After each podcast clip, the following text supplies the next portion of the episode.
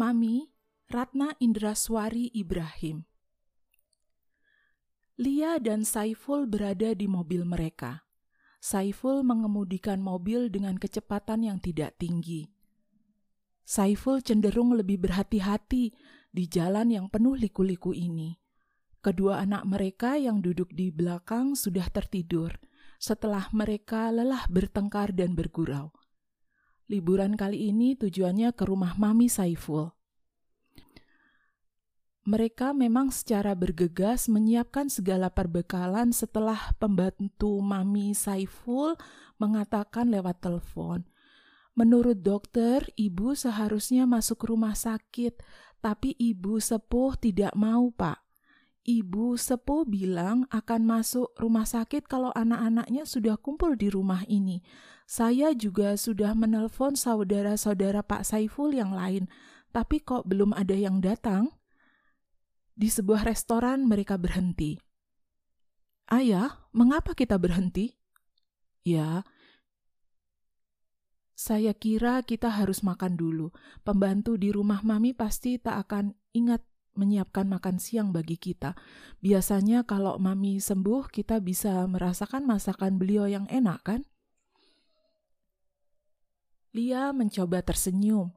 Saiful adalah putra ketujuh dari delapan bersaudara. Dari cerita Saiful, maminya adalah seorang perempuan yang keras dan semakin keras ketika dia harus menghidupi anak-anaknya sendiri saja. Ayah mereka meninggal kala Saiful dan saudara-saudaranya masih kecil.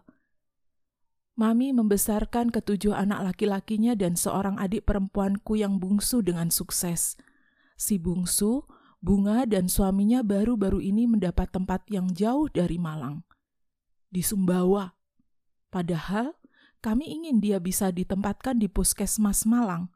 Mas Gondo sih tidak mau berusaha padahal dia punya teman di Depkes yang bisa menempatkan bunga di Malang, ujar Saiful. Lia tidak ingin memberi komentar. Sejak kenal dengan Mami Saiful, waktu pacaran mereka mulai serius, hubungan mereka memang tidak pernah dekat, sekalipun mereka tidak pernah bermusuhan. Lagi pula setelah menikah, bekerja dan punya anak, mereka jarang ke kota Malang. Kalau toh Mami Saiful ke Jakarta, dia punya enam anak di kota ini untuk tempatnya menginap. Belum lagi kesukaan Mami Saiful menginap di rumah adik dan kakak-kakaknya. Kalau toh menginap di rumah mereka pasti cuma beberapa hari. Dan Lia yang berangkatnya mulai dari jam 6 pagi, baru bisa pulang jam 6 sore. Kalau tidak ada meeting atau kerja lembur lainnya, mungkin juga beberapa jam dia bisa ngobrol dengan Mami. Kalau menunggu pesanan makanan, Syaiful berkata kepada anak-anaknya, Nenek sakit, jadi kalau di rumah nenek jangan ribut dan minta dimasakkan yang macam-macam. Kalau begitu, kita makan di restoran terus kan, ayah? Asik juga, kata si bungsu. Biasanya Saiful akan tertawa kalau mendengarkan seluruh anaknya, tapi kali ini dia cuma diam saja. Apakah kata pembantunya Mami sudah masuk rumah sakit? Dan apakah Bunga dan suaminya sudah datang dari Sumbawa? Seandainya mereka bisa datang, mungkin yang lainnya bisa tenang kan? Saya tadi pagi sudah telepon. Mas-mas yang berada di Jakarta, mereka belum bisa datang semua. Saya bisa membayangkan perasaan Mbak Dina dan Mas Pik yang berada jauh di London. Mereka pasti ingin pulang. Apakah kita sebaiknya tidak telepon lagi ke rumah Mami menanyakan siapa-siapa yang datang, kata Lia. Saiful tercenung. Seharusnya Mami ikut salah satu dari anak-anaknya, apalagi kita semua memang sibuk, jadi jarang bisa memperhatikan Mami. Lia, saya masih ingat bagaimana Mami menjual semua perhiasannya untuk tambahan modal tokonya agar kami semua bisa sekolah terus agar tidak mengganggu adik dan kakak beliau. Sekarang Mas Gondo yang sudah kaya itu tidak pernah ingat mengajak Mami berobat ke Singapura. Padahal Mas Gondo baru-baru ini jalan-jalan ke Eropa. Dia juga membawa mertuanya, bukan Mami loh. Mas Gondo bilang padaku, saya tidak membiayai mertuaku, dia bayar sendiri. Saya tidak percaya omongan laki-laki yang sepertinya takut pada istrinya itu. Ayah, kita kan tidak tahu bagaimana keuangan keluarganya. Lia, kamu mungkin bicara begitu karena dapat bagian parfum kan yang katanya dibelikan di Paris? Baik hati kan Mbak Yu Iparmu itu? Ayah, sudahlah anak-anak makannya mau tambah lagi ya atau tidak itu? Ayah, kalau saya kaya, tak mungkin pelit seperti Om Gondo. Nenek pasti akan saya ajak jalan-jalan ke mana saja, kata si bungsu. Lia membelalakkan matanya pada Saiful. Dia tidak suka ketidakcocokan Saiful dengan kakaknya diketahui anak-anak. Tapi Saiful mengatakan, mereka seharusnya juga tahu kehidupan ini tidak sebersih dongeng yang kau ceritakan padanya setiap malam. Dia kadang-kadang tidak suka dengan omongan Saiful, tapi mereka sudah menikah 12 tahun dan kadang telinganya sudah kebal dengan omongan Saiful yang terdengar di telinganya sinis. Ya, sekalipun dia tahu Saiful tak pernah benar-benar ingin melukai hatinya, rasanya akhir-akhir ini dia lebih asik ngobrol dengan Mas Kuncoro, teman sekerjanya di perusahaan itu. Lia menghapus pikirannya. Sebetulnya, dia tahu kalau akhir-akhir ini omongan Saiful sinis karena bingung memikirkan maminya yang sakit dan cuma ditemani oleh pembantu-pembantunya. Ya, kalau maminya tidak keras mendidik Saiful, suaminya sekarang tetap anak nakal yang suka menghisap rokok, menghisap ganja. Waktu itu ketika maminya tahu Saiful sudah mulai suka merokok dan menghisap ganja, dia segera mengirim Saiful ke pesantren yang khusus mengobati anak-anak yang kecanduan narkotik. Dia sering berpikir, seandainya anaknya punya kenakalan yang sama dengan ayahnya, dia tak mungkin tega memasukkan anaknya ke pesantren dan sesuai dengan tata tertib pesantren tersebut tidak boleh dijenguk selama tiga bulan. Ya, sekalipun setelah keluar dari pesantren itu Saiful menjadi anak yang baik, ia pun dengan giat menyelesaikan sekolahnya di Fakultas Teknik dan di semester 6 pacaran dengan adik kelasnya, Lia. Saiful kelihatannya tidak berselera dengan makanan kesukaannya itu. Ayah, hampir kemarin tidak mau makan apa pun, pasti ayah capek. Kalau begitu biar saya saja yang menyetir mobil ini. Saiful tersenyum. Lia, jalan di pujon berliku-liku. Kamu suka gugup. Ya, kau tahu kan mami dulu bisa nyetir sendiri gantian dengan papi. Kasihan mobilnya ikut terjual untuk membesarkan anak-anaknya. Saya sekarang berpikir apakah kita tidak bisa iuran memberikan mami mobil untuk ke dokter, arisan, dan pengajian. Ayah, itu kan bisa kita rundingkan lagi dengan saudara-saudara yang lain. Tapi Mbak Dina kan pernah ngomong begini, Mami, lalu lintas di Malang sekarang sudah mulai ramai. Apakah tidak sebaiknya Mami juga pakai mobil kalau ke mana-mana? Waktu itu Mami mengatakan, di Malang ini jaraknya satu sama lain tidak jauh Dina, ini bukan London atau Jakarta. Naik becak saja santai kok, bisa lihat sana-sini. Mami sekarang mudah-mudahan mau menuruti omongan anak-anaknya. Dia kan sekarang badannya sudah lemah sejak beberapa tahun yang lampau, kata Saiful tandas. Dia melihat kedua anaknya yang sedang bergurau. Mama, berapa lama kita ke rumah nenek? Kalau begitu liburan ke Toraja tidak jadi. Apakah ayah masih mau mengantarkan kita berenang ke kota Batu kalau nenek sakit? Ingat anak-anak, tujuan kita liburan kali ini untuk melihat dan menemani nenek yang sedang sakit. Untuk liburan ke Toraja harus menabung uang lagi. Uang yang sekarang kan untuk pengobatan nenek. Mudah-mudahan tahun depan kita bisa mengajak nenek liburan ke Toraja atau mungkin ke Malaysia. Adik nenek kan ada di sana. Nenek sudah lama ingin bertemu dengan adiknya itu. Dia tersenyum, mungkin ibunya benar. Kadang-kadang komunikasi kita dengan suami bisa ruwet. Masih kata ibu, Dok, laki-laki itu memang selalu ingin benar sendiri. Kita harusnya bisa mengatakan kepada suami bahwa kita juga mempunyai hak untuk didengar dan dengan senang hati disetujui pendapat kita. Lia menghapus bibirnya. Sebetulnya dia sudah sering mengeluh pada Mas Kuncoro perihal Saiful. Saiful bukan saja selalu ingin diperhatikan, tapi kelihatan begitu erat dengan maminya, saudara-saudaranya, dan keponakannya.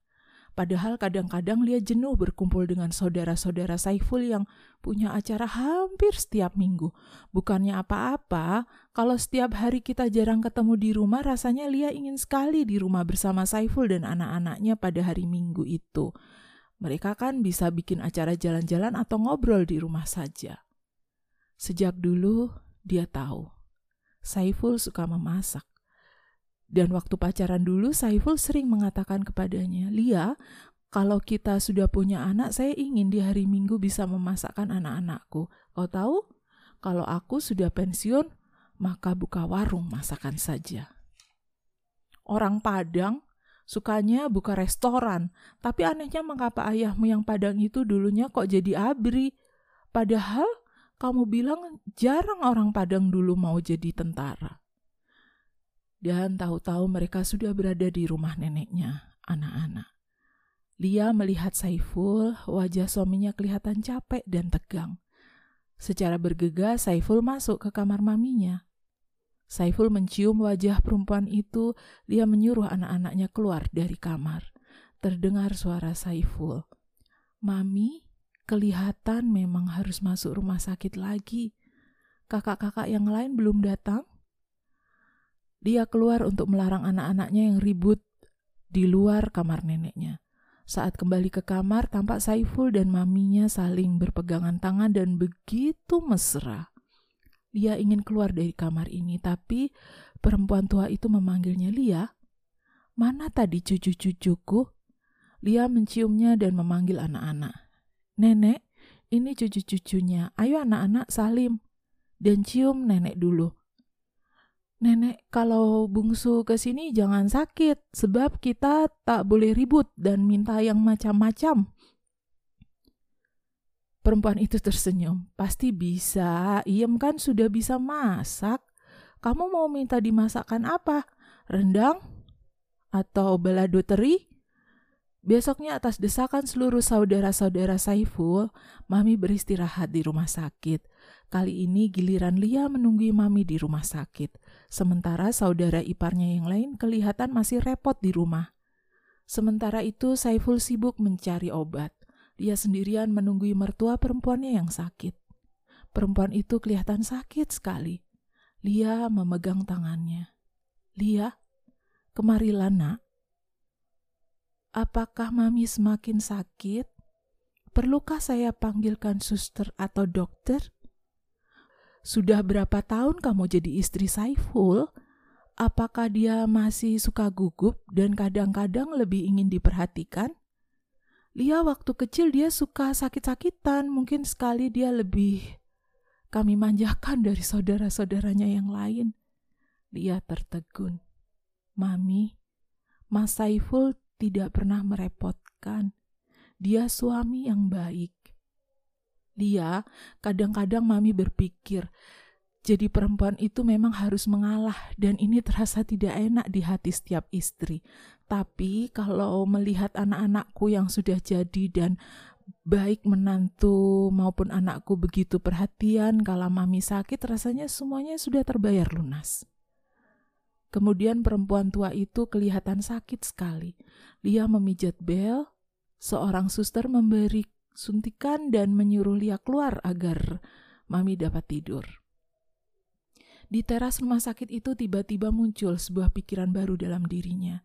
Mami kelihatan tahu benar bagaimana rumah tangganya, atau tepatnya rumah tangga setiap anaknya. Mungkin karena itu dia lebih banyak bersikap diam saja. Karena dia tahu anak-anaknya sudah diseretnya ke dunianya sendiri dan batasannya sebagai ibu mertua dijaganya betul. Lia tersentak. Perempuan itu belajar kebijaksanaan dari mana? Dia dan Saiful waktu mahasiswa dulu suka mendiskusikan kebijaksanaan para filsuf sedunia. Selama ini dia menganggap mami perempuan yang sederhana yang mendidik anak-anaknya dengan disiplin yang keras. Dulu, dia tak pernah paham mengapa Saiful dan saudara-saudara yang lain begitu mencintai perempuan ini. Memang sulit memahami perempuan ini.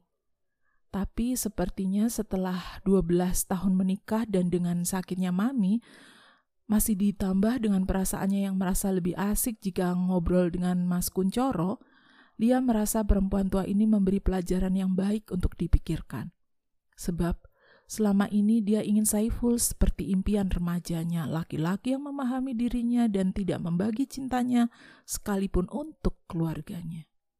Saiful memang punya masa lampau bersama mami dan saudara-saudaranya. Sekalipun dia mencintai dan menikah dengan Lia, Sungguh, dia ingin sekali mengatakan kepada Mami, saya seperti diseret oleh arus yang deras oleh Mas Kuncoro. Sementara itu Saiful kelihatan diam-diam saja. Seharusnya dia kan berkata begini, Lia, saya tidak suka kamu akrab dengan Kuncoro. Kemudian terdengar Mami memanggilnya. Perempuan itu memegang tangannya erat-erat. Di kantormu kamu pasti mempunyai banyak sahabat kan?